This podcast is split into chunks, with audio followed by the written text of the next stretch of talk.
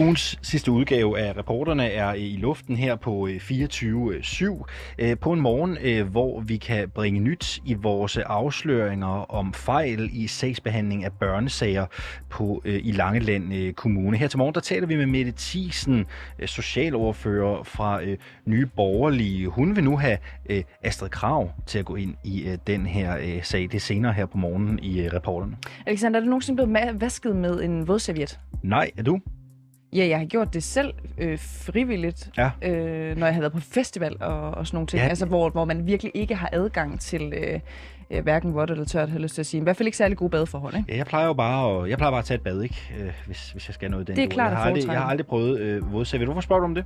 Jeg spørger jo, fordi at øh, i den her uge, så har Social- og ældreminister Astrid Krav jo skarpe vendinger været ude og kritisere Dansk Folkeparti for i sidste regeringsperiode at være med til at indføre ringere vilkår for ældre. For eksempel, at ældre rundt omkring på plejehjemmene simpelthen bliver vasket med vådservietter, frem for at komme i bad. Ikke? Mm-hmm. Det er jo ja. en... Øh, man, den, man kan mærke den her historie i kroppen. Man kan mærke, hvordan at det er jo ikke fair det er jo ikke i orden at behandle ældre mennesker på den måde, vel? Det var et stort øh, tema, kan jeg huske, til kommunalvalget i 2017 på Bornholm, at man fandt ud af, at det her øh, dannede præcedens. Det væltede nærmest ældreplejen på, øh, på Bornholm, da mm. boede der dengang. Mm.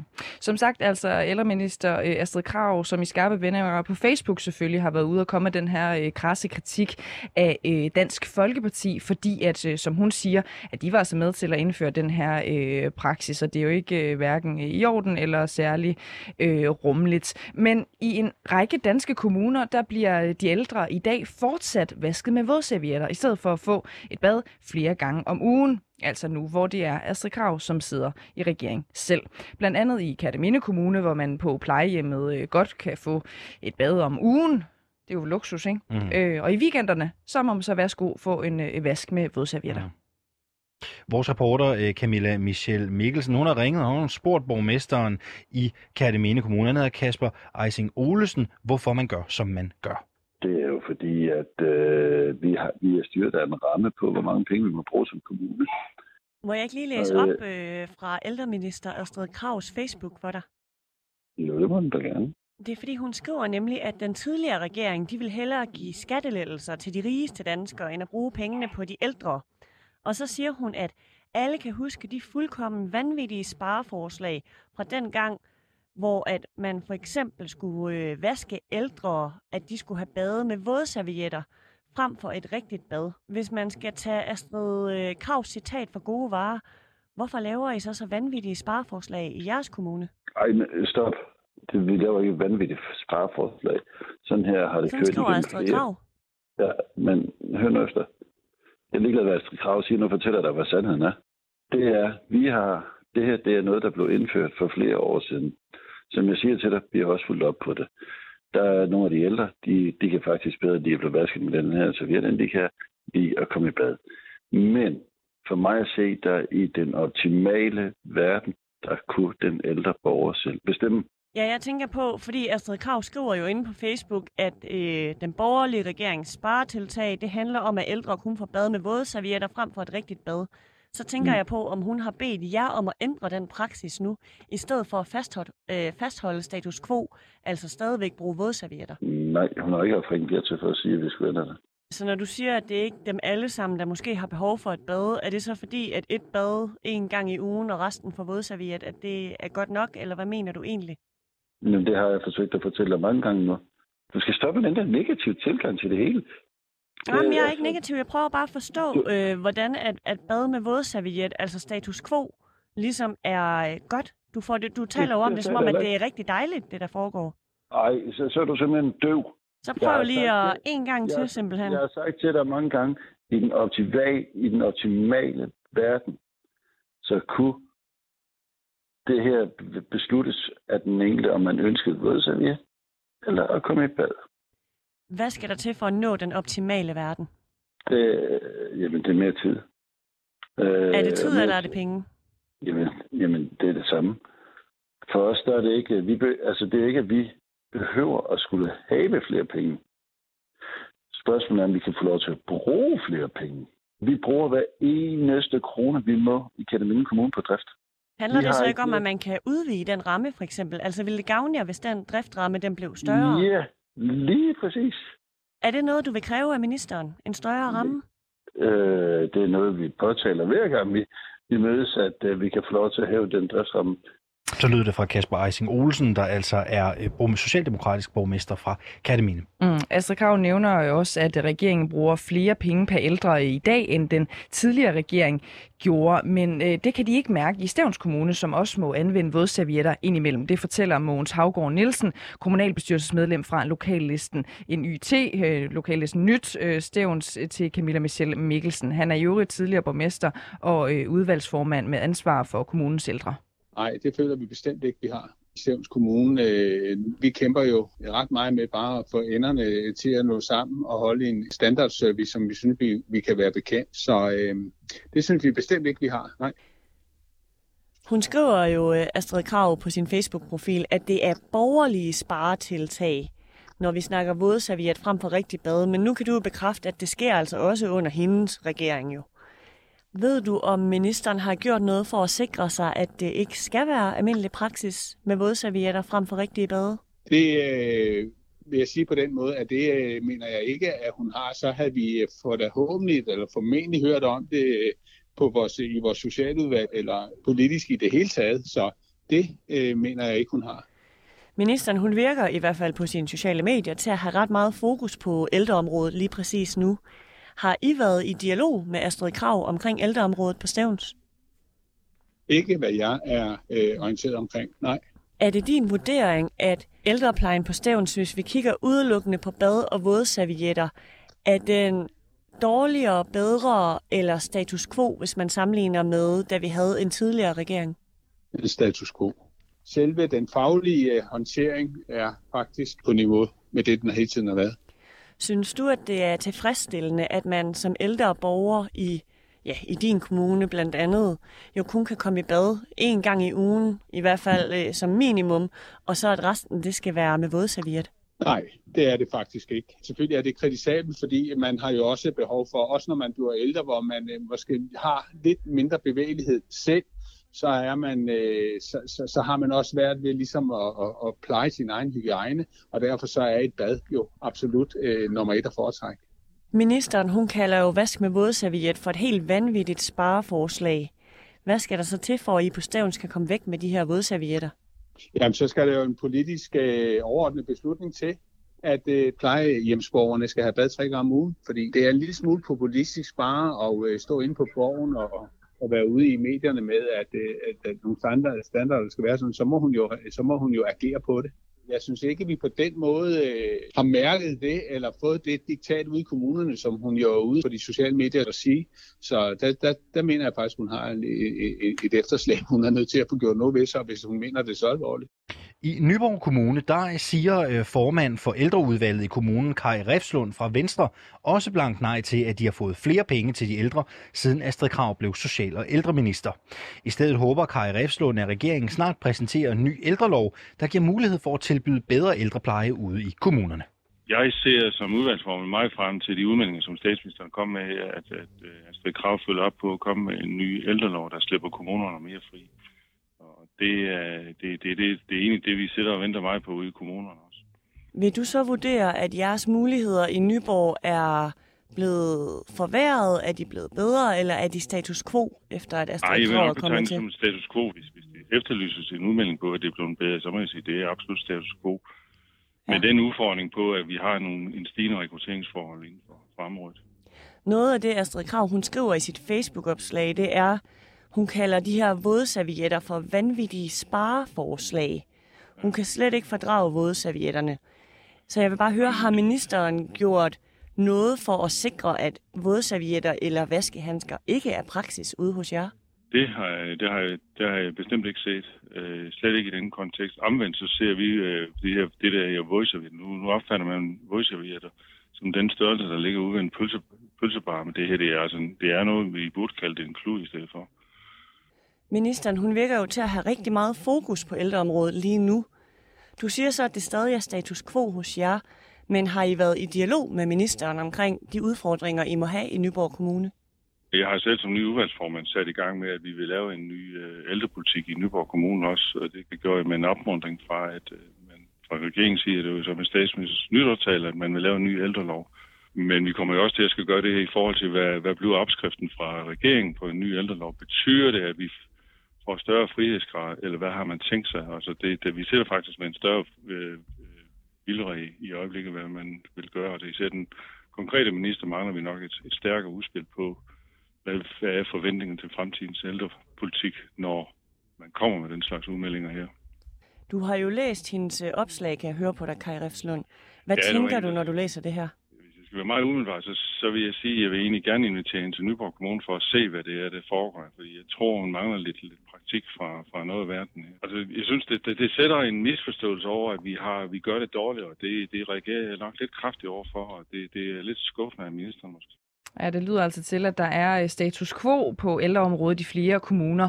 Men hvordan hænger det sammen med Astrid Kravs Facebook-opslag, hvor hun hævder, at regeringen bruger flere penge per ældre?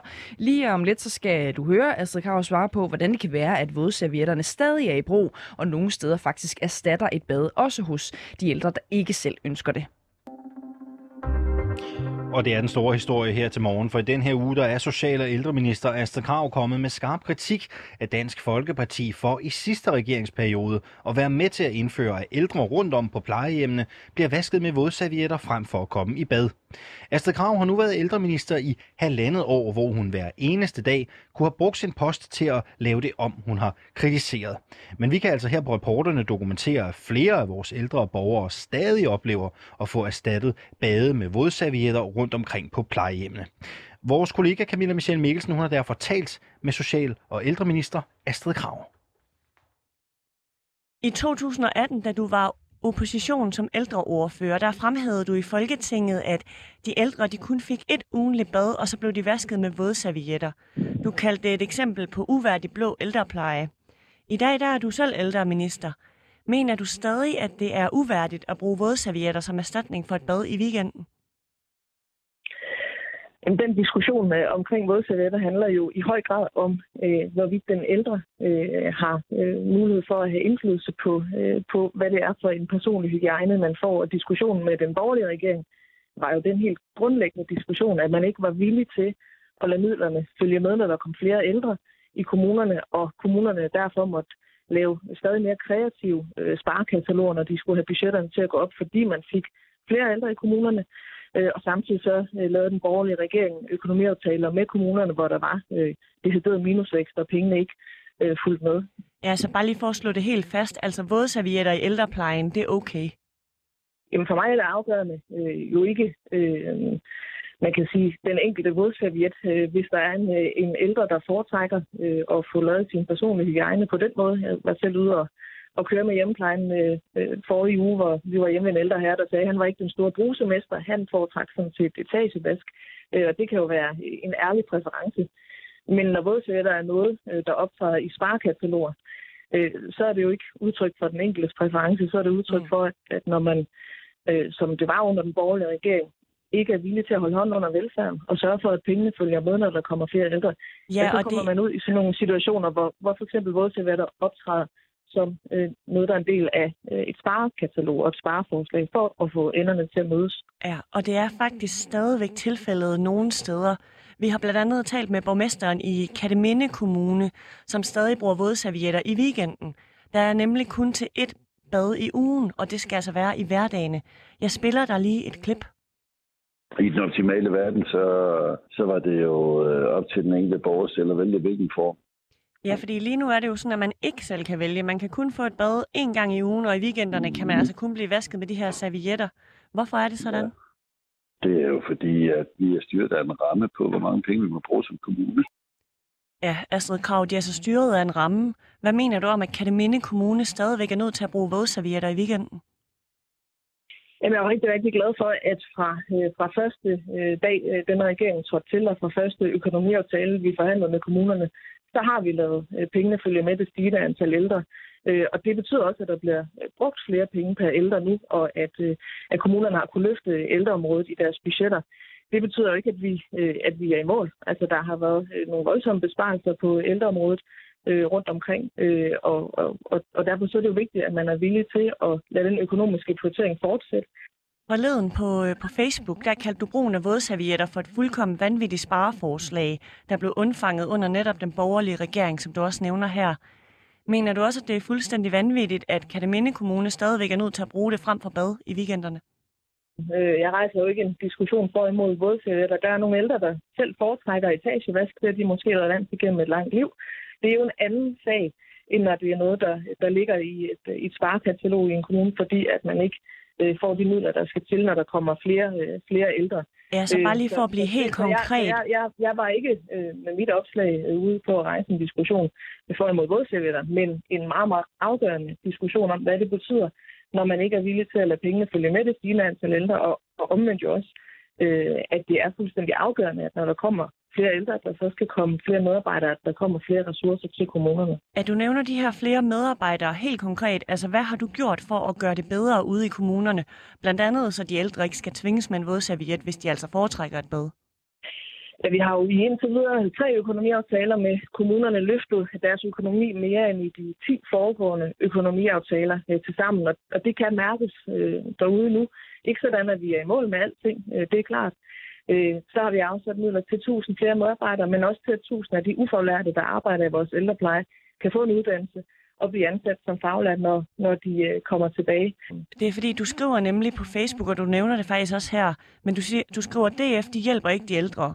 Hvert år der har de tværtimod stemt for øh, massive nedskæringer i velfærden, som har betydet store besparelser på plejen og omsorgen. Så skriver du, vi bruger i dag flere penge per ældre end under den borgerlige spareregering, som Dansk Folkeparti holdt ved magten.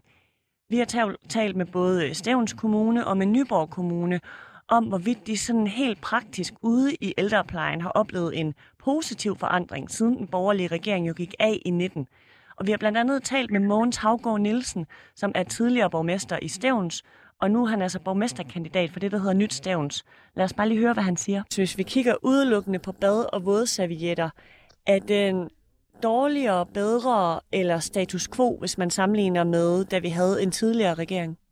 Status quo.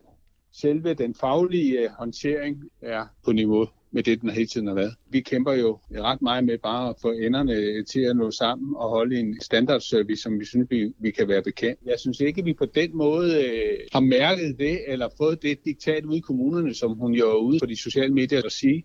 Så der mener jeg faktisk, at hun har et efterslag, hun er nødt til at få gjort noget ved sig, hvis hun mener det så alvorligt. Da vi ringede til Nyborg Kommune, der sagde de faktisk det samme. De siger status quo.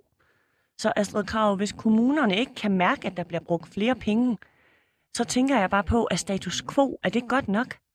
Ja, det er jo hele det arbejde, vi har sat gang i med den nye ældrelov, og sørge for, at tiden bliver brugt rigtigt. Øh, fordi flere penge gør det ikke i sig selv. Der er alt for meget medarbejdernes tid, der går med byråkrati, dokumentation, registreringer, tid væk fra de ældre, og vi bliver nødt til at kunne begge ting. Altså både være villige til at prioritere velfærden økonomisk, så vi fortsat også med den kommende økonomiaftale, og den år efter, og den år efter, sørger for, at pengene følger med, når der kommer flere børn og flere ældre men altså også få lavet det her meget, meget vigtige arbejde i vores ældrepleje med at sørge for, at tiden bliver brugt rigtigt, så der er tid til omsorg, og så de ældre øh, jo kender de medarbejdere, der kommer, men også oplever, at det er nogle medarbejdere, der faktisk øh, har tid til dem, mm. og som ikke hænger en klokkesnor og primært er hovedet ned i en skærm og skal tilbage og lave øh, papirarbejde øh, i læsevis, som der jo er alt for mange øh, medarbejdere, der oplever deres hverdag i dag.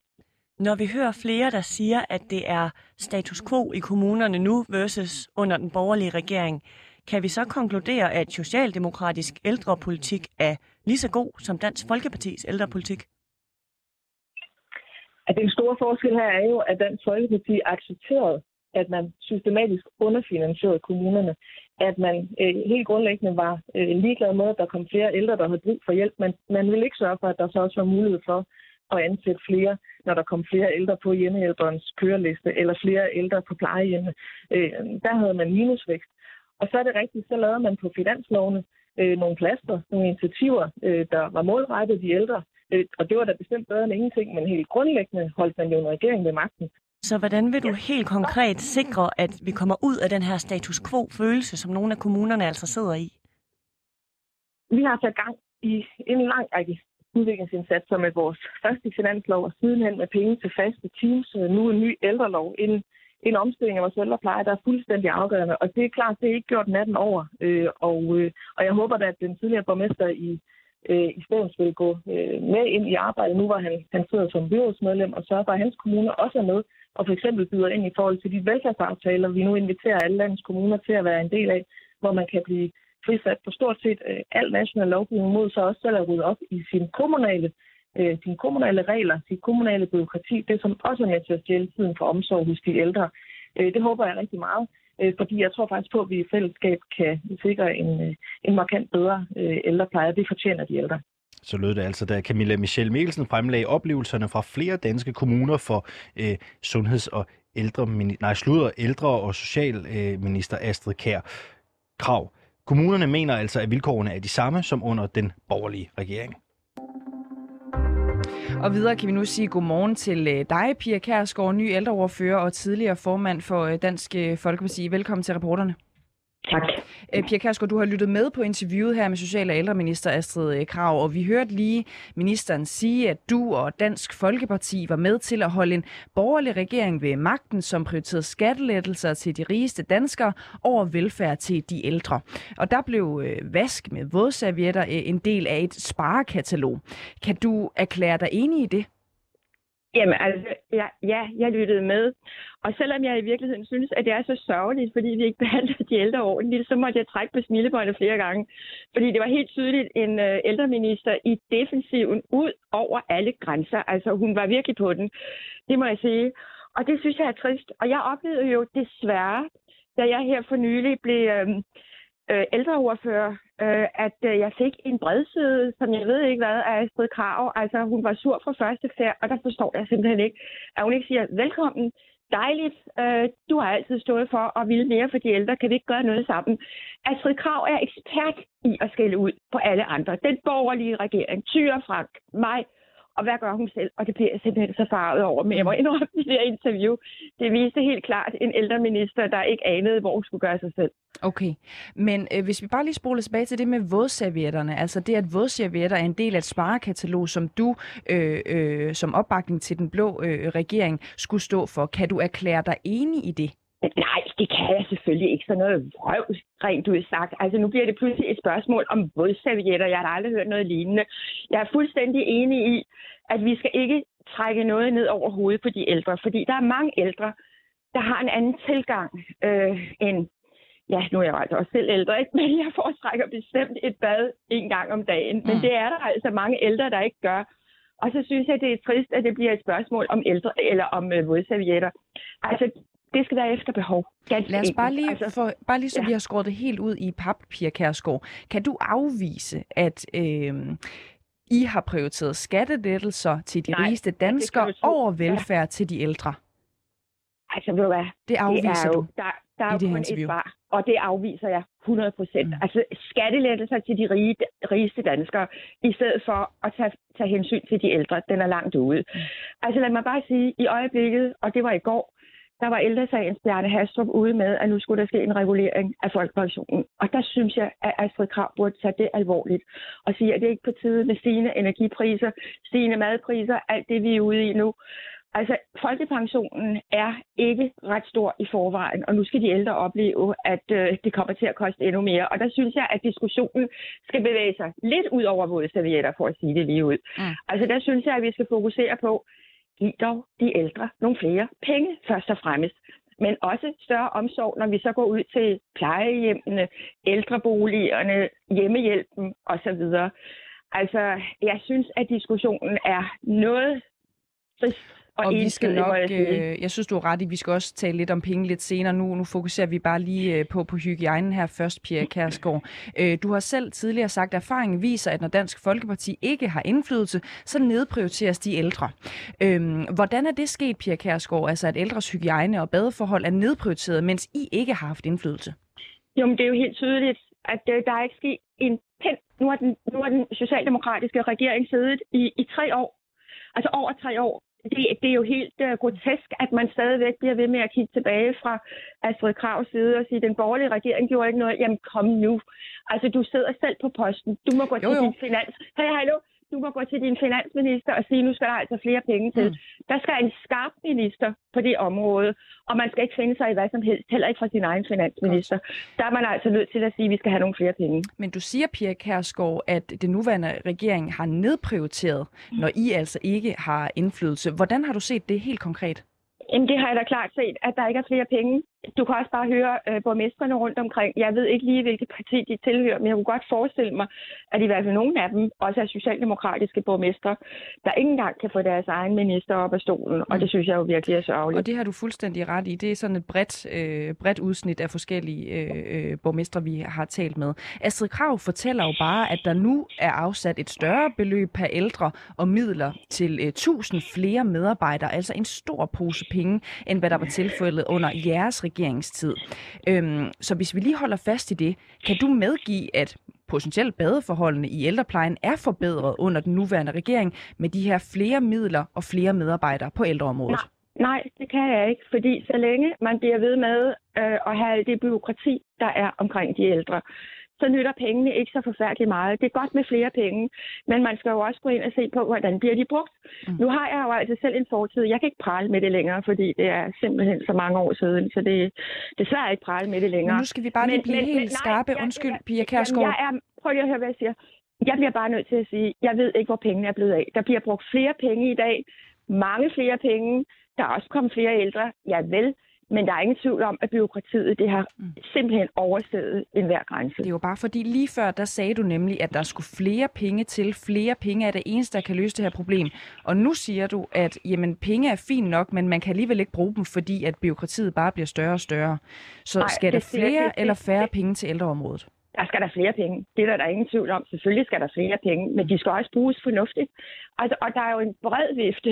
Hvis vi tager hele ældreområdet, så går, det jo, så går det jo lige fra folkepension, som er vores domæne i Folketinget, og til penge, der kommer ud til kommunerne, og hvordan kommunalbestyrelserne så formidler dem. Altså det er jo også en del af det, at, øh, at kommunalbestyrelserne skal øh, fordele de penge ordentligt, som kommer ud til dem, og prioritere de ældre, og mm. plejehjemmene, og hjemmeplejen, og hvad der ellers tilhører under kommunerne. I 2018, mens I var støtteparti til øh, en borgerlig regering, øh, blev der i Folketinget diskuteret, hvordan ældre øh, kun fik et ugenligt bad, og så blev vasket med vådservietter. Det er det, der ligesom har startet den her debat, vi, vi, vi har i dag. Ikke? Er, er det ikke korrekt, at du og den borgerlige regering dengang indførte spareplaner, som ramte vores ældre borgere, blandt andet på deres bademuligheder? Nej, det er det ikke. Overhovedet ikke. Altså, det er det værste frøvl. Og igen synes jeg, at øh, en debat om vådservietter og ældre, den bliver altså noget smalt. Det må jeg sige. Øh, det har jeg. Det sagde jeg i begyndelsen af det interview, og det vil jeg da godt gentage. Mm. Så det er ikke korrekt. Så, så når Astrid Krav siger, at det er sådan, det forholder sig, og du siger, nej, det er ikke korrekt, hvad, hvad er sandheden så? Det er den, jeg siger selvfølgelig. Ja. Altså Astrid Krav har en masse undskyldninger og en masse bortforklaringer og en masse tilbageblik øh, i forhold til, hvordan hun, hun mener for år tilbage, at andre har gjort det skidt. Hun har haft flere år til at rette op på det, og, og nu står hun sådan lidt i en situation, hvor hun har svært ved at forklare sig. Så Astrid Krav, hun lyver simpelthen ja. over for Folketinget, over for os, når hun siger, at det er sådan her, det forholder sig. At en borgerlig regering med øh, DF som støtteparti har øh, sparet på det her område. Så lyver Astrid Krav, når hun siger det. Åh, oh, men prøv lige at høre du kan jo ikke sætte det op på den måde. Altså, man skal gå ind og se på budgetterne, man skal gå ind og se, hvad er givet til kommunerne, hvordan bruger kommunerne pengene. Det er jo det, der er det væsentlige. Så, men bare lige så vi er helt med. Lyver Astrid Krav, eller lyver hun ikke? Er det rigtigt nok, at I har haft det her på dagsordenen, altså en spareplan, som jo, kan vi se, er gået ud over de ældres hygiejne blandt andet? Altså, Dansk Folkeparti går aldrig med til en spareplan i forhold til de ældre. Så I har ikke gået med til en spareplan, som er gået ud over jeg, jeg, de ældres jeg, jeg, jeg, jeg hygiejne? Jeg kan sige det tydeligere, og, og jeg vil godt gentage det. Vi, kan, vi selvfølgelig ønsker at Dansk Folkeparti at spare på de ældre. Jeg har aldrig hørt noget så tosset. Vi har fra vores øh, begyndelse i 1995 prioriteret de ældre meget, meget højt. Mm. Vi kan jo bekræfte, som du også lige har hørt, Pia Gersgaard, at der er i flere kommuner i dag stadig bliver anvendt vådservietter, både som supplement, men også som erstatning for bad i for eksempel øh, weekender. Øhm, mener du det værdigt at bruge vådservietter som erstatning for et bad i weekenden? Nej, det mener jeg ikke, det er. Og slet ikke, hvis de ældre ønsker noget andet. Mm. Overhovedet ikke. Det mener jeg virkelig ikke, det er. Øh, jeg vil nødig som ældre og ikke kunne klare mig selv vaskes alene med en vådserviet. Og vi ved jo også, at de ældre faktisk kan have et større behov øh, for os andre øh, øh, at, at blive vasket grundigt og få et bad, men det skal i forhold til være, det skal være i forhold til de ældres eget behov.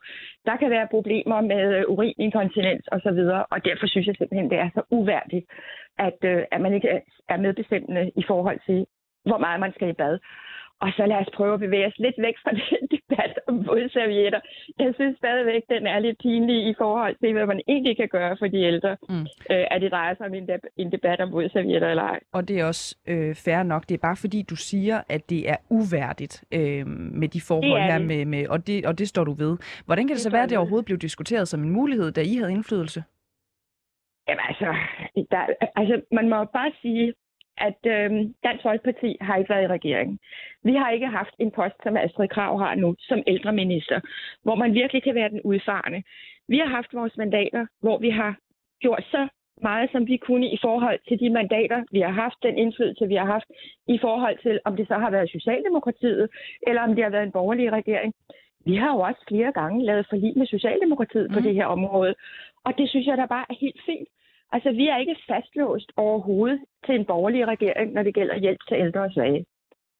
Men I sad jo som støtteparti, det har du fuldstændig øh, ret i. Hvordan kan det være, at I ikke uh, trak en streg i sandet og sige, prøv lige at høre her, det er uværdigt, at vi overhovedet diskuterer det her som en mulighed, da der var en blå regering? Jeg er helt sikker på, nu har jeg ikke selv været ordfører, øh, men det er jeg helt sikker på, at vi også har gjort. Altså det er slet ikke, jeg er slet ikke i tvivl om, at vi har gjort alt, hvad vi overhovedet kunne. Og slet ikke. Altså jeg er jo som du nok ved, ny på det her område. Mm. Jeg vil sætte mig grundigt ind i tingene, og da det er et af mine kerneområder, som jeg faktisk er glad for at få overdraget, så øh, skal jeg nok komme stærkt tilbage med alt det, som Dansk Folkeparti gerne vil på det her område. Så ved en eventuel ny blå regering, bliver det så et, et løfte fra, fra dig og fra Dansk Folkeparti, at det skal være slut med at bade de ældre med vådservietter? Ja. Og ved du hvad? Ved du hvad? jeg orker det næsten ikke.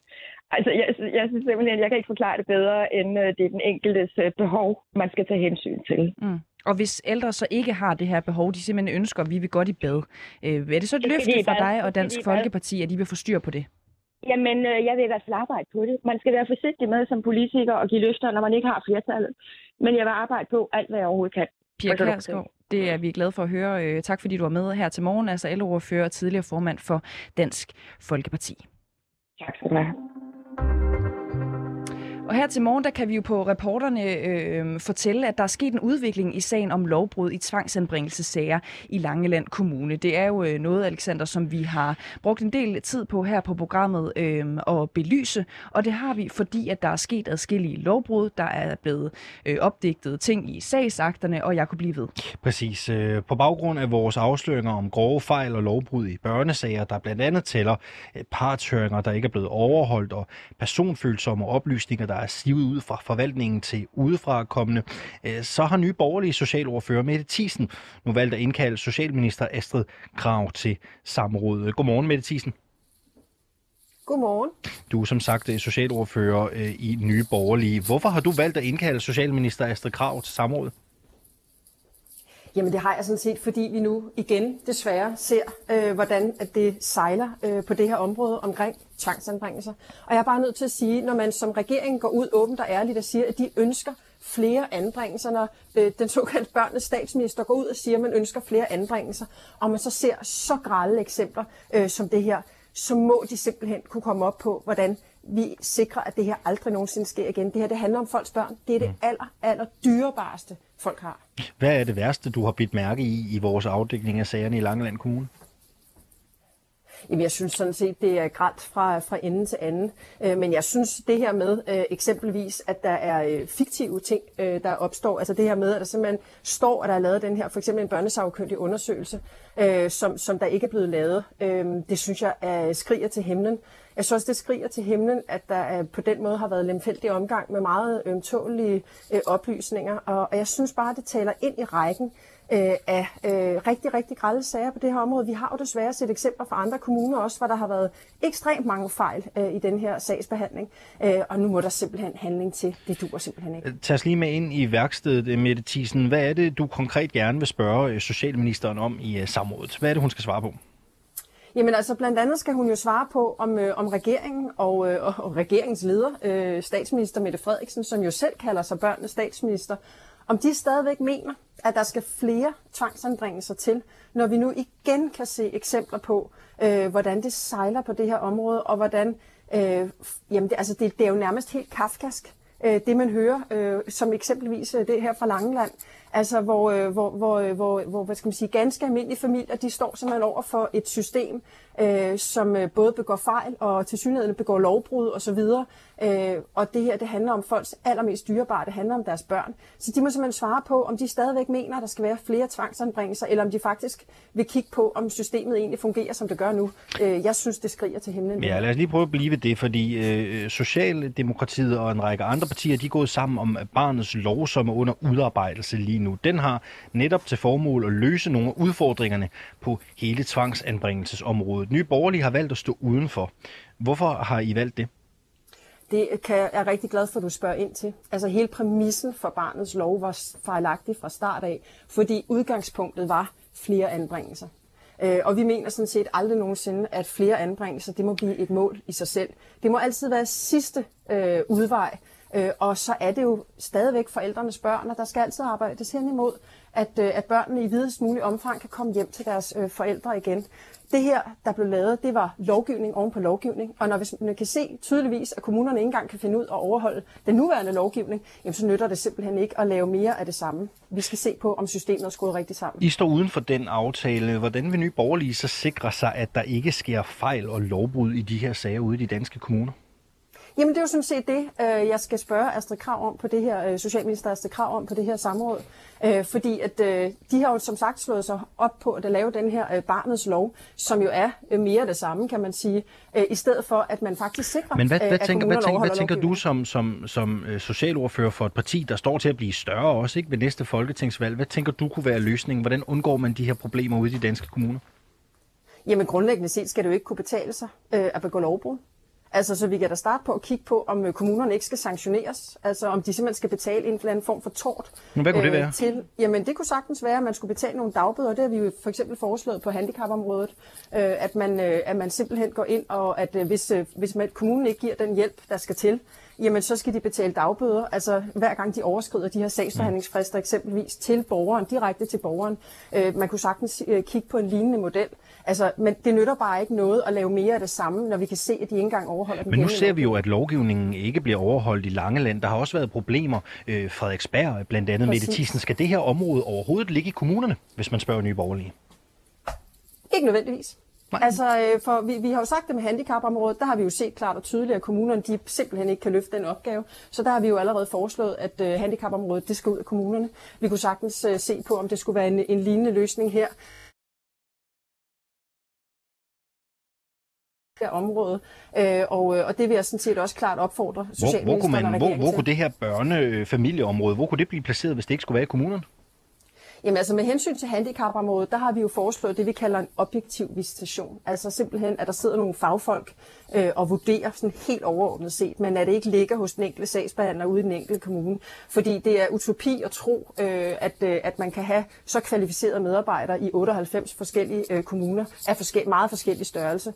Øh, man kunne sagtens kigge på, om det skulle være en lignende løsning på det her område. Jeg vil i hvert fald opfordre regeringen til, at vi sætter os ned og kuglegrav og kigger på det her område. Hvad er det, der foregår? Fordi problemet er lige nu, at øh, kommunerne til synligheden ikke overholder den gældende lovgivning, og så nytter det jo sådan set ikke bare at lave mere lovgivning. Vi skal kigge på, om systemet overhovedet fungerer, som det er skruet sammen så i dag.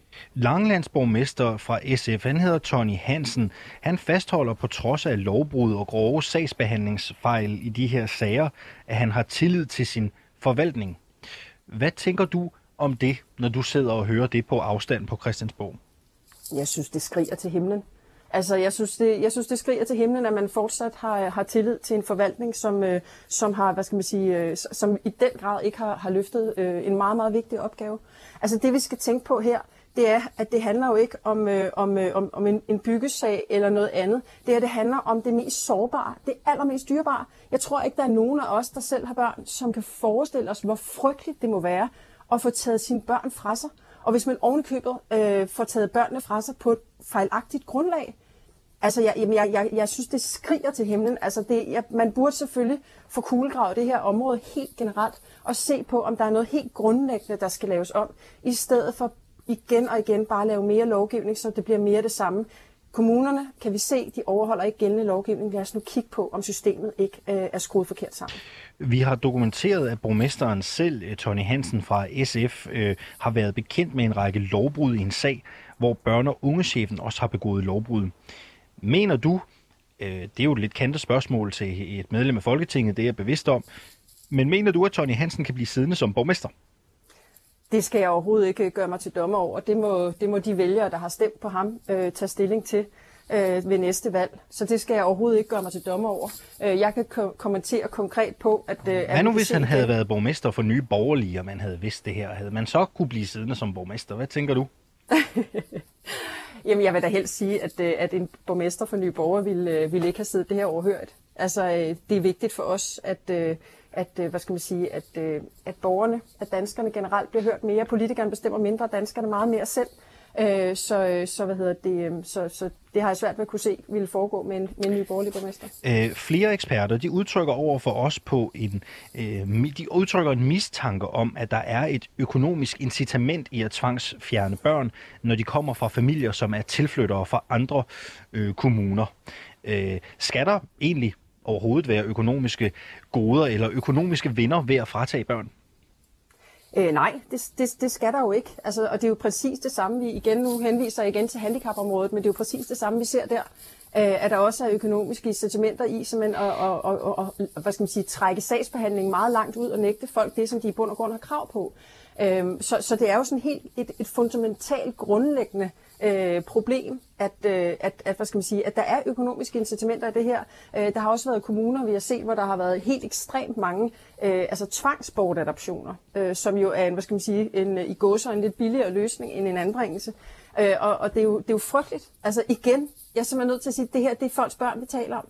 Det er det mest dyrebare, man har. Jeg tror, jeg tidligere har sagt, at jeg vil nærmest hellere have bortamputeret begge ben uden bedøvelse, end jeg vil have mistet mine børn. Øh, så det her, det er så ømtåligt et, øh, et, et, et område, og derfor er det også vigtigt, at det bliver taget hammerne seriøst, når vi nu igen ser en kommune, øh, som simpelthen ikke løfter sit ansvar. Det sagde Mette Thiesen, som er socialordfører for Nye Borgerlige. Tak fordi du var med her til morgen, Mette Thiesen. Selv tak. Ja, vi har her på reporterne ringet til en række af Folketingets socialordfører for at spørge dem, hvordan de forholder sig til de afsløringer, lovbrud og øh, systematiske sagsbehandlingsfejl i Langland øh, Kommune, som vi har bragt her på øh, reporterne. Nu har vi socialordfører i Venstre, Malene Ambo Rasmussen med. Godmorgen til dig. Godmorgen. Øh, Malene Ambo Rasmussen, vi har forholdt dig vores afsløringer af lovbrud og sagsbehandlingsfejl i Langeland Kommune, øh, som vi har bragt her den forgangne uge. Hvad mener du om det, der er foregået og foregår i Langeland Kommune? Ja, altså man kan sige, at de, det, det I netop har, har afdækket i jeres program, viser jo, at øh, det er meget, meget alvorligt. Øh, netop fordi, at tvangsanbringelser er nok noget af det allermest øh, voldsomme afgørelser, vi myndigheder kan træffe overhovedet. Nu er jeg selv siddet med i tvangsfjernelsesudvalget i Odense Kommune, og det her, det er jo virkelig voldsomme afgørelser. Det er livsændrende for både børn og de forældre, som, som det handler om. Og det er også, må man bare sige, mange gange nogle af vores mest sårbare udsatte borgere. Og så meget desto mere er det bare rigtig, rigtig vigtigt, at man netop får træffet de første, de rigtige afgørelser første gang øh, fordi det har så stor betydning øh, på den lange bane for både børn og voksne, både mm. børn og forældre. Du har jo været med til at vedtage øh, barnets øh, lov, som er under udarbejdelse øh, lige nu, og den lægger jo op til potentielt flere og tidligere anbringelser. Øhm, hvordan stemmer det overens med, med det, du siger her, altså at man, det er noget af det voldsomste overgreb, man egentlig kan begå, det er at fjerne folks børn? Ja, altså man kan sige, det var det statsministeren lagde ud til, at, det skulle, at den her aftale skulle betyde, at det er også det, socialministeren har været ude og, og i talsætte. Det er så ikke det, vi andre ordfører har været ude i talsætte med den aftale, fordi det er netop ikke det, der er det afgørende ved den her aftale. Det, der er afgørende ved den her aftale, det er, at vi får anbragt de børn, der skal anbringes. Altså, og det har vi sagt fra starten i Venstre. For os har det intet at gøre med antal. Altså, det kan godt være, at der kommer flere tvangsanbringelser og bortadoption. Det kan også være, at der kommer færre. Det er jo det, den her aftale, og det er derfor, vi har sagt meget tydeligt, og der har jeg også sagt Venstres vegne, at for os, der kan den her aftale tage tid. Nu indgår vi selve aftaleteksten i, i juli måned, tror jeg det var sidste år. Men vi har jo netop rykket selv lovudkastet til efteråret, fordi vi rigtig gerne vil bruge rigtig lang tid på at ælte den her dej, så vi får lavet et rigtig godt lovudkast. Så det er noget, som vi kan sige, den her reform, barnets lov, som kommer til at have kæmpe stor betydning for børn og forældre, den skal lande rigtigt. Mm. Og det kommer til at tage tid at implementere det her. Fordi for os, der har det her ikke noget at gøre med, at det skal være flere eller færre. Det handler om kvaliteten af selve lovudkastet og selve aftalen, der kommer fra barnets lov. Så I er i Venstre simpelthen uenige i den uh, salgstale, vi har hørt fra Mette Frederiksen, som handler om, at det her potentielt lægger op til flere uh, anbringelser. Um, har du påtalt det over for ja, ministeren eller for, uh, for Socialdemokratiet i det hele taget? Jamen, det, det, som er helt absurd ved det her, at sidde og aftale det på forhånd, det er, at den her aftale inden overhovedet bliver, nu skal vi behandle den i staten i efteråret, og så går der flere år, før den bliver implementeret. Altså, vi kan jo ikke sidde og sige på forhånd, at der kommer til at være flere familier om fem år ude i fremtiden, i, for eksempel ude i skolen, hvor jeg bor i. Altså, det er jo noget, der kommer løbende i børne- og ungeudvalget. Så for os har det her været helt afgørende at sige, at det er muligt, der kommer flere tvangsanbringelser, men det er altså ikke det, der er det afgørende. Det afgørende det er, hvad er det for et lov, udkast, vi får sendt i salen. Hvad er det for et udkast, vi får sendt ud til vores dygtige fagpersoner, som skal sidde og behandle det her ude i kommunerne. Fordi det er jo også det, de har råbt vagt i gevær om, og det er også derfor, vi har sagt, at vi skal have de her fagpersoner, blandt andet børns vilkår og alle mulige andre dygtige mennesker, som sidder med det her hver dag. Hvordan havde du det så egentlig, da Mette Frederiksen hun øh, fremlagde den her barnets lov på den måde, hun gjorde? Jamen, det var vi jo selvfølgelig meget uenige omkring i Venstre. Jeg synes, at det, det er helt tåbeligt at gå ud og sidde og sige, at man bare ønsker flere tvangsanbringelser. Påtalte altså, I det? Man, ja, det gjorde vi så også. Der var jeg så ikke socialordfører, men det gjorde min dygtige kollega, der sad med det dengang. Øh, og det var netop fordi, at det er dybt, dybt useriøst at gå ud og sige, at man en dag ude i fremtiden vil sige på forhånd, uden at vide, hvad det er for nogle børn og nogle forældre, man overhovedet har med at gøre på de enkelte konkrete sager i kommunerne til den tid, at sidde på forhånd og sige, at der, der på forhåndsbedømmer man bare, at de forældre de ikke er værdige, de er ikke værdige til at være forældre, og derfor så skal de, øh, deres børn tvangsbringes. Mm. Altså, det er jo dybt, dybt uprofessionelt, og det er på ingen måde i orden, når vi sidder og taler om vores allermest sårbare og udsatte børn og unge og deres forældre. Mette Thiesen, som vi lige har øh, talt med fra Nye Borgerlige, hun har indkaldt Socialminister Astrid Krav til et øh, samråd og bedt ministeren redegøre for, om regeringen fortsat har fokus på at, at tvangsfjerne flere børn, når, der er, når det er i Langeland og, og i andre, flere andre kommuner, der er blevet påvist de her grove fejl og, og lovbrud. Hvad mener Venstre om det? Altså, vi bakker jo op omkring øh, den aftale, vi selv har indgået. Øh, alt andet vil også øh, være mærkeligt, men, men kommer selvfølgelig med til, øh, til øh, samrådet og lytter med til, hvad der kommer af, af besvarelser. Øh, og så synes jeg i øvrigt også, at det er rigtig godt, at også vores kollegaer på Langeland i børneudvalget dernede har siddet og også tager den her sag op og tager det her meget alvorligt, fordi i virkeligheden er det jo også ude i de enkelte kommuner, at det er vigtigt. Det kender jeg jo også selv som mit, mit, øh, mit værn som politiker, øh, kommunalpolitiker, at det er jo også ude ved ved, ved tæt på borgerne, at det her også er vigtigt at tage meget, meget seriøst som politiker. Så øh, jeg synes også, det er positivt, at man også fra lange tid af politisk øh, vælger at tage det her op. Mm. Hvad mener du, der skal gøres øh, anderledes for, at de her sager ikke bliver ved med at dukke op?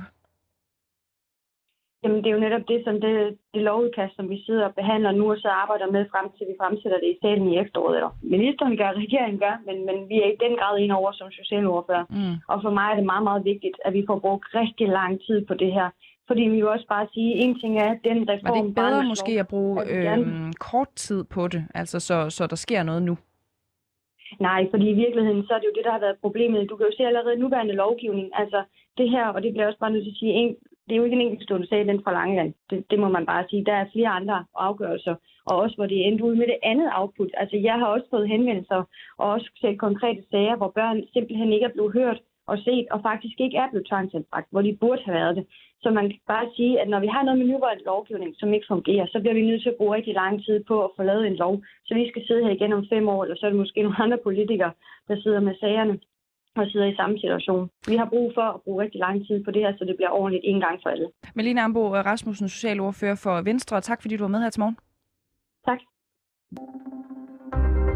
De lokale bankoforeninger føler sig i de her dage lukningstruede. Det skyldes en ny politisk aftale, som skal sikre, at bankohallerne betaler en vis andel af deres indtægter til godtgørende øh, formål.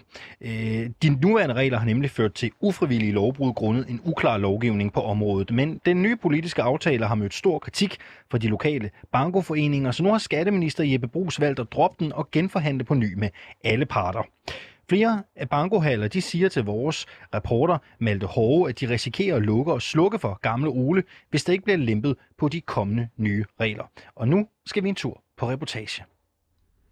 Jeg går her og er på vej ind mod bankohallen her i øh, Nykøbing Mors, og der er simpelthen fuldstændig proppet med biler. De holder øh, ude på vejen og inde på parkeringspladsen og på virksomheden ved siden af øh, parkeringsplads. Og nu øh, kommer jeg hen til, til døren her, så jeg er lidt spændt på at se, hvor mange der egentlig er herinde.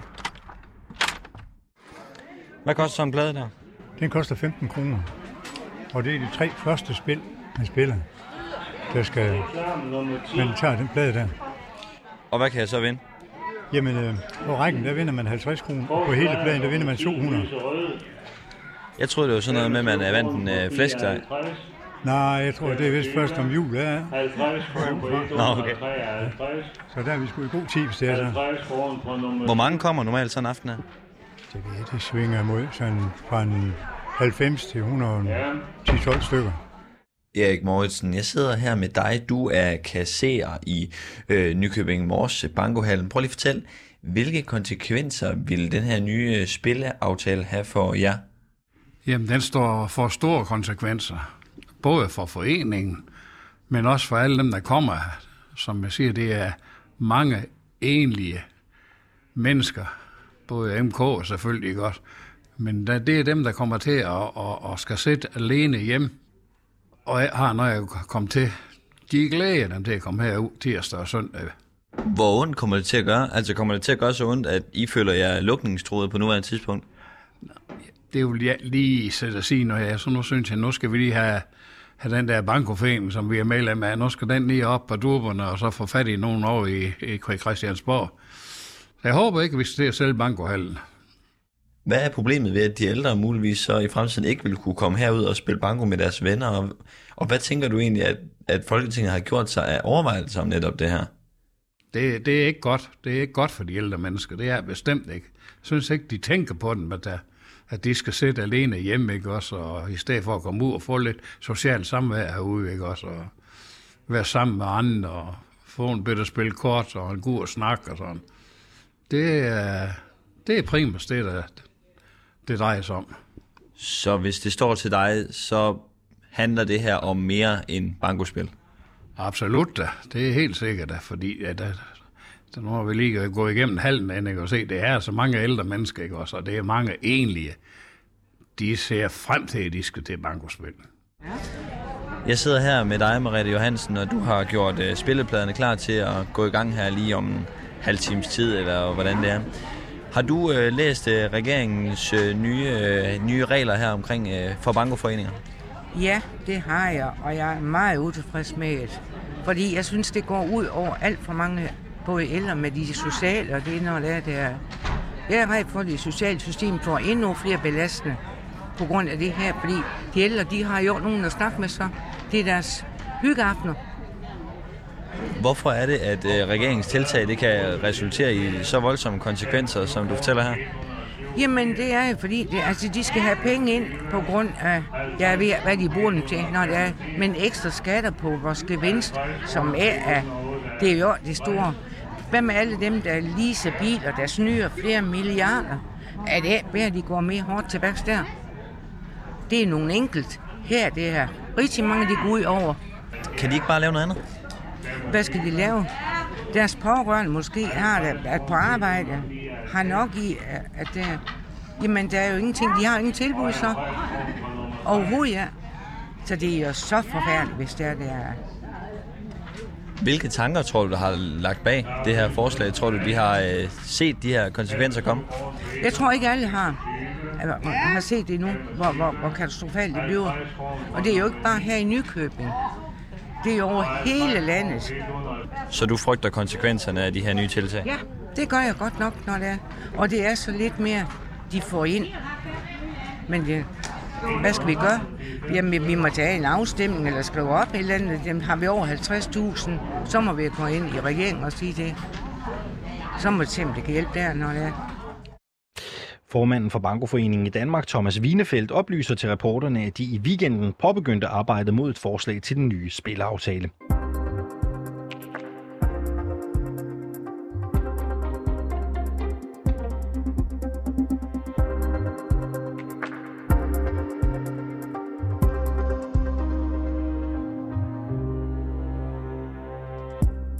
Okay, so soggy biscuits basically we all pull out our dicks around a biscuit and we all ejaculate onto the biscuit.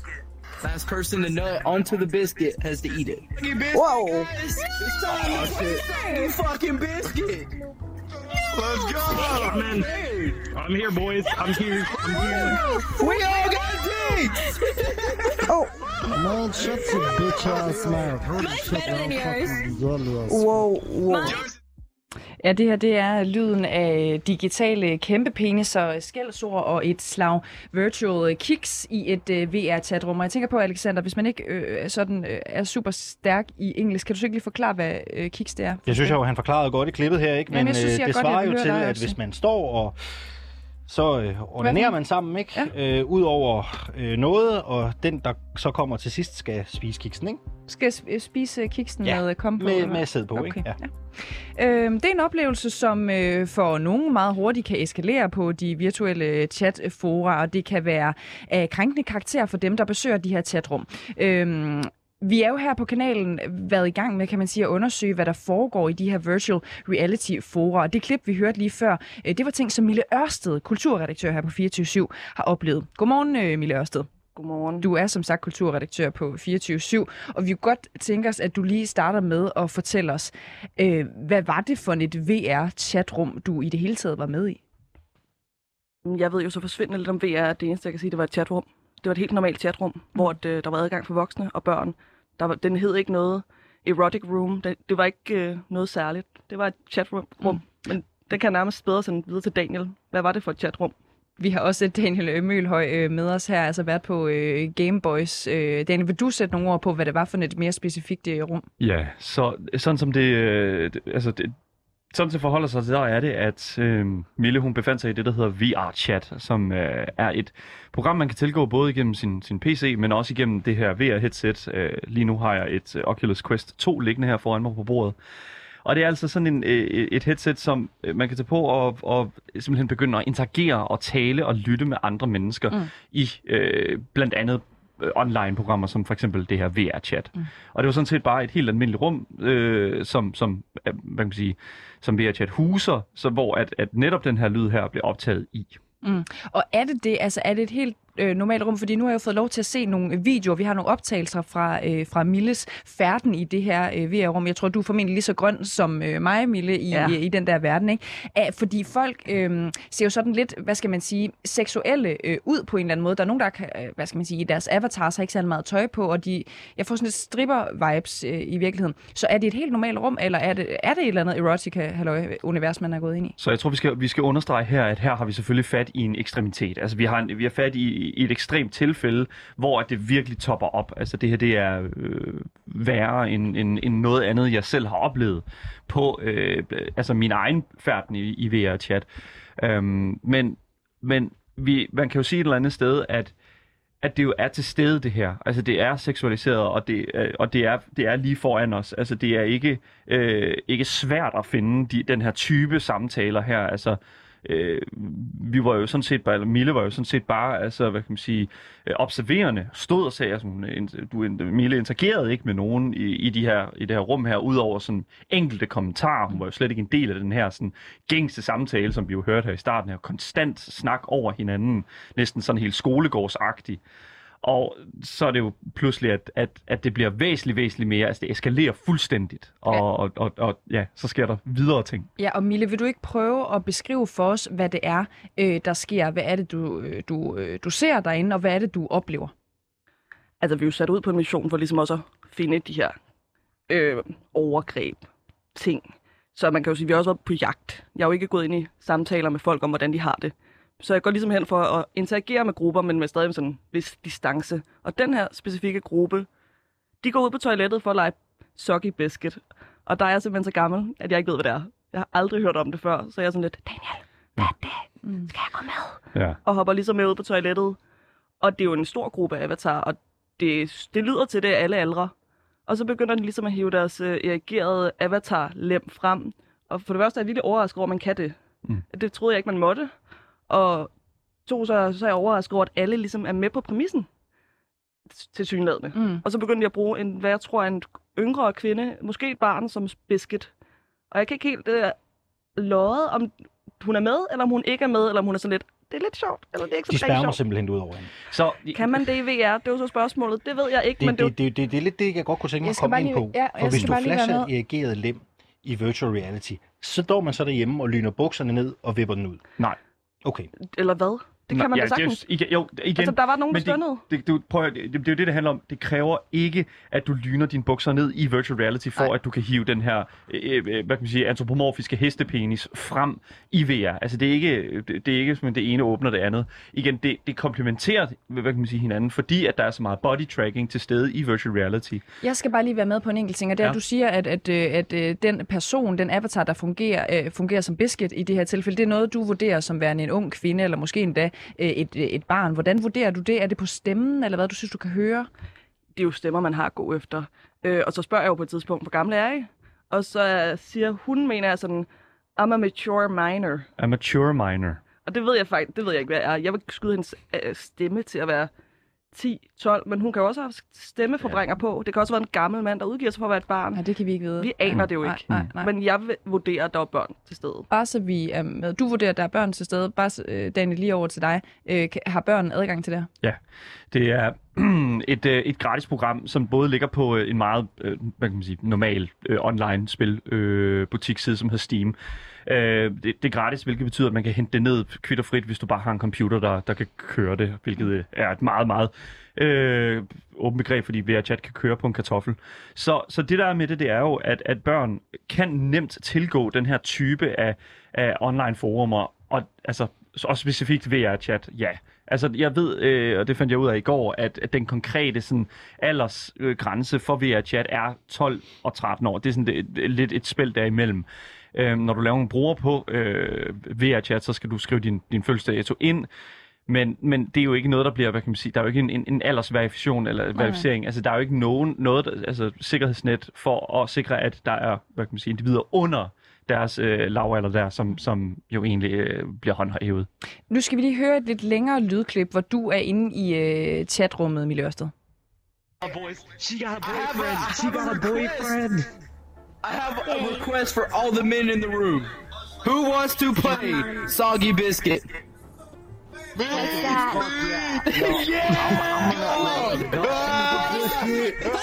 I'm gonna get Oh my oh. god.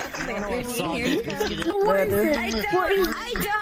I looked it up one time. I don't think I remember. Here, this this window. Okay, so soggy biscuits. Basically, we all pull out our dicks around a biscuit, and we all ejaculate onto the biscuit. Last person to nut onto the biscuit has to eat it. Whoa. Oh shit! You fucking biscuit. Let's go, man. I'm here, boys. I'm here. I'm here. We all got dicks. Oh. Man, shut your bitch ass mouth. Holy shit, better than I'm yours. fucking jealous. Whoa, whoa. Mine's Look, mine's bigger. Like, why? Why is it so Mine's red near the Mine's tip, bigger. boy? God, whole That was better. That was This, better than det ours. her er. Oh, I know it's better. That one better. Hands down. Get out the fucking nose. Altså, kan de komme herinde? This is longer. Yeah, mine's is way bigger. Ej, It's thick though. Mine's is bigger. Whoa. It has Mine's is five thick. rings on it. Yours is longer. Mine is thick. I'm good. Mine's is thick too. What are you talking about? This is uh, to drive a Ford. Oh lord! Oh lord! You want to be the soggy biscuit next? Uh, it's pulsating. Never mind. Do, does she want to be the biscuit? Look at me go. We don't care. We're just gonna do what we want.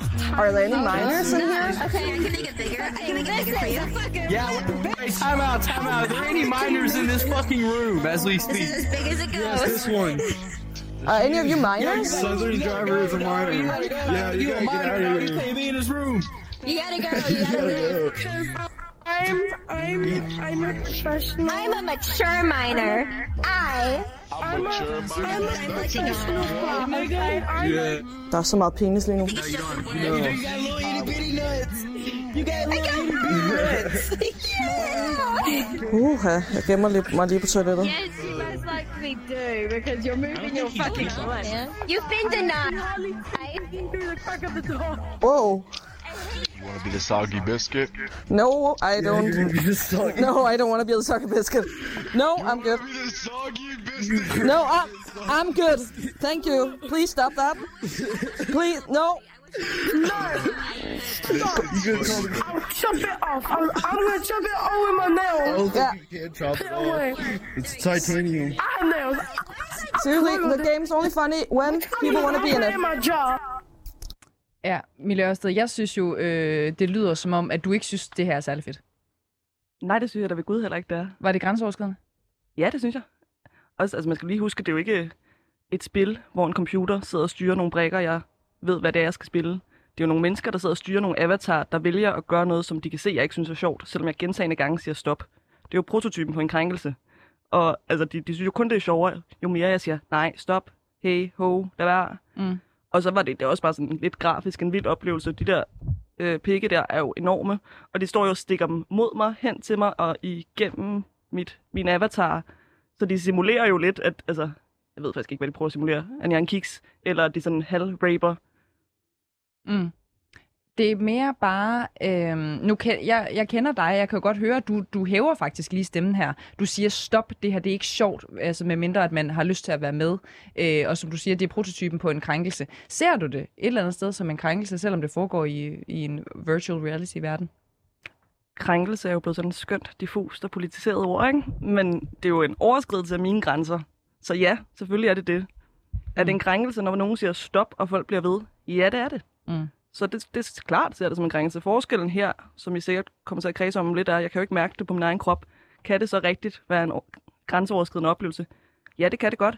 Men vi er jo også, man skal lige huske, vi er jo måneder fra at have dragter med sensorer, hvor man så kan mærke stød, hvis begge spillere har de her dragter på. Er det så først en krænkelse, når jeg så kan mærke, at nogen rører mig på brysterne eller på røven? Fordi så er det jo, så er det jo et overgreb. Mm. Men skal vi derhen, før det er det? Nej, det synes jeg egentlig ikke. Daniel Møl, øh, Daniel Møl øh, har øh, været på øh, gamerprogrammet øh, Gameboys her på kanalen. Er det, som Mille har oplevet her, er det ekstraordinært, eller tror du, det er sådan noget, som finder sted hele tiden? Ja, det finder sted hele tiden. Men det, der er med det, det er, at, at det er en, ligesom i virkeligheden, en ting, som foregår lidt i det gemte.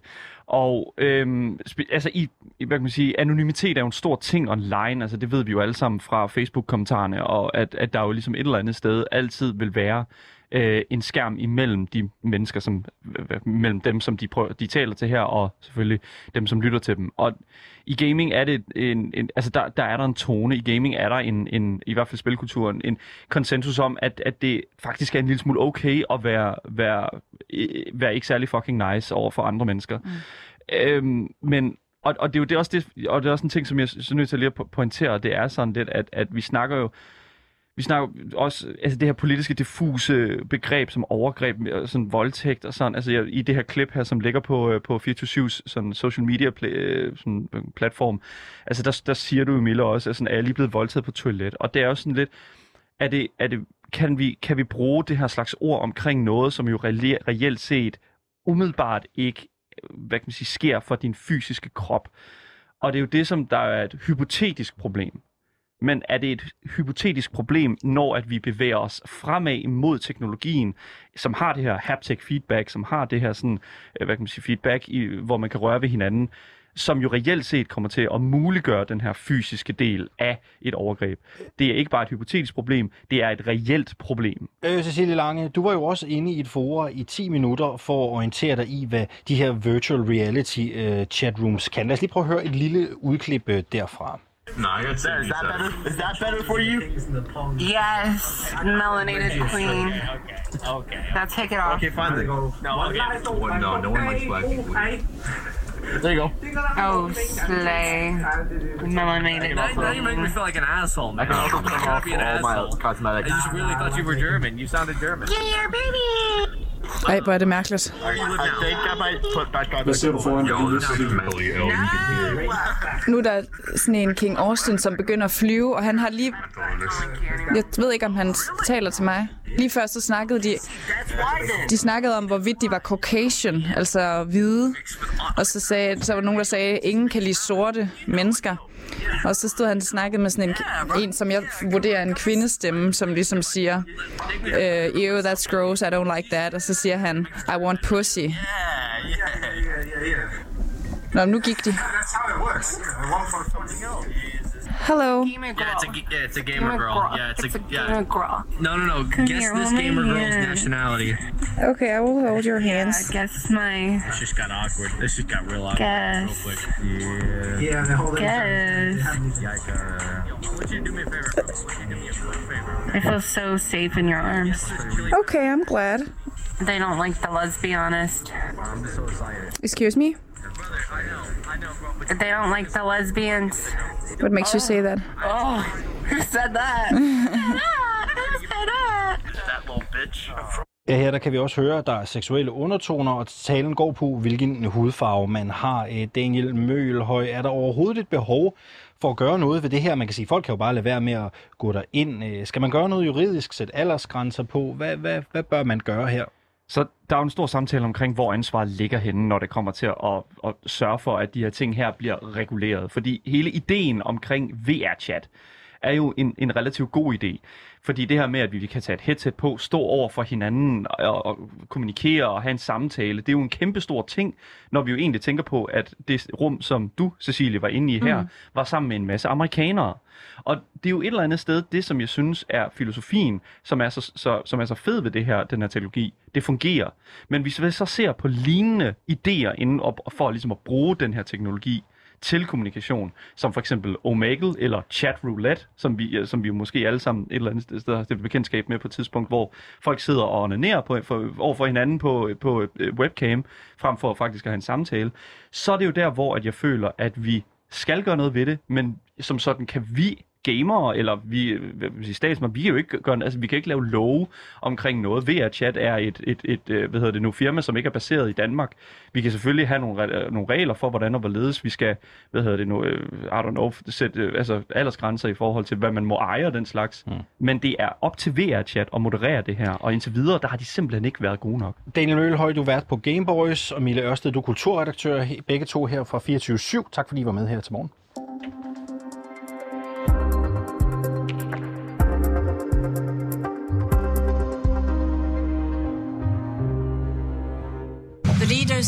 The European Union, the United States, the United Kingdom, but also Canada and Japan are convening here. And I think our bonds are stronger than ever before. Ja, Vesten står stærkere end nogensinde før, lød det fra EU-kommissionen og formand Ursula von der Leyen forud for et EU-topmøde i Bruxelles, der sluttede sent i aftes. Og det topmøde, du har, det har du fuldt tæt, Ditte Sørensen. Godmorgen. Godmorgen. Du er chefanalytiker ved Tænketanken Europa. Hvad er det mest interessante, der kom ud af det møde med de to regeringsledere? Du tænker på mødet mellem øh, Biden og EU. Ja, præcis. Ja, men man kan sige, at det, der, kom, øh, det, der er kommet øh, ud indtil videre, det er jo, at, øh, at man har vist en fælles front, ikke kun i EU, men sådan i det bredere Vesten, og også med, med, med, med Japan i G7, om at man selvfølgelig fordømmer de, den invasion, som, som Rusland har, har iværksat over for Ukraine, og man er, har diskuteret det her sanktionsspor. Og der kan man jo så se, at der ikke er helt enighed endnu. Altså, at der er stadigvæk sådan et, øh, et spænd, hvor USA ønsker at, at gå videre, end, et man, end man indtil nu ønsker i, øh, i Europa. Og der er det måske spændende at sige, at øh, det vi jo så i går aftes, det var, at øh, man jo stadig holder døren åben i Europa. Vi så den hollandske premierminister være ude og sige, at, øh, at øh, der, vi skal ikke gå videre nu, men, men der er en bred enighed om, at man, at man stadig vil diskutere det her, øh, det her øh, energiembargo, men det er først noget, der kan ske på længere sigt. Øh, USA's præsident øh, Joe Biden, ham har du været inde på her. Han deltog jo på mødet øh, med øh, samme budskab om, at Vesten de skal stå samlet over for Putin. Det var en hel del, der fyldte på det her møde. Altså hvis vi prøver at zoome ned i det, hvad var hans ærne i at deltage?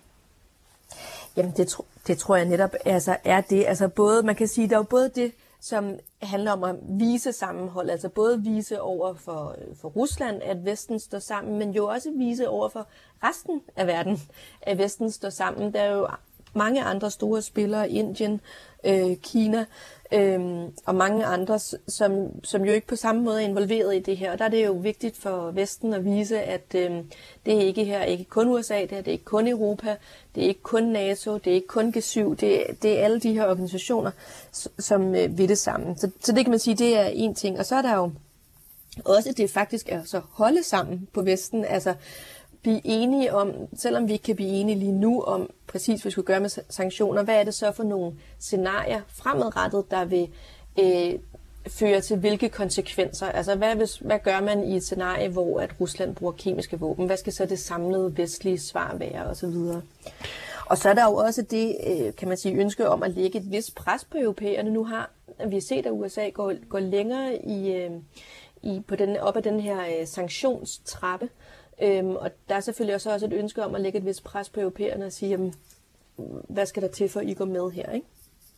Øh, lad os prøve at høre, hvad formanden for EU-kommissionen, Ursula von der Leyen, sagde om øh, sanktionsspørgsmålet. Øh, lad os lige prøve at høre det her. We have decided to step up our support for Ukraine, to sharpen the sanctions against Russia, and to break free from Russian fossil fuels. And therefore, tomorrow, together with President Biden, we will present um, a new chapter in our energy partnership. Um, it is about additional LNG from the United States for the European Union, thus replacing the Russian LNG we had so far. Er det, vi hørte her, et udtryk for, at øh, EU lytter til de ønsker, øh, Joe Biden har med?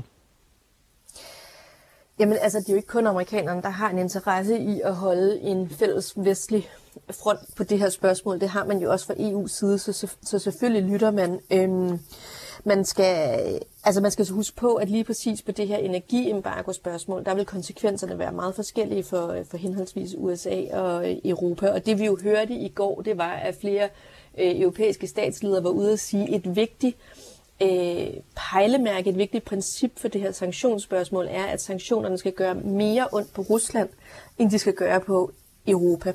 Og lige præcis på energiembargoet, der øh, er man jo meget bange for de konsekvenser, det vil have for, øh, altså ikke kun for den europæiske forbruger og deres øh, varmeregning, men jo også de bredere konsekvenser, det vil have for europæisk øh, økonomi, om det kunne have en, en, altså en negativ effekt på europæisk økonomi, hvis man bliver nødt til igen og, og bremse op for produktionen. Så det er jo de spørgsmål og den balance, man, øh, man, øh, man forsøger at ramme. Men, men ja, selvfølgelig lytter man jo til sine allierede, og det, det gør Europa også.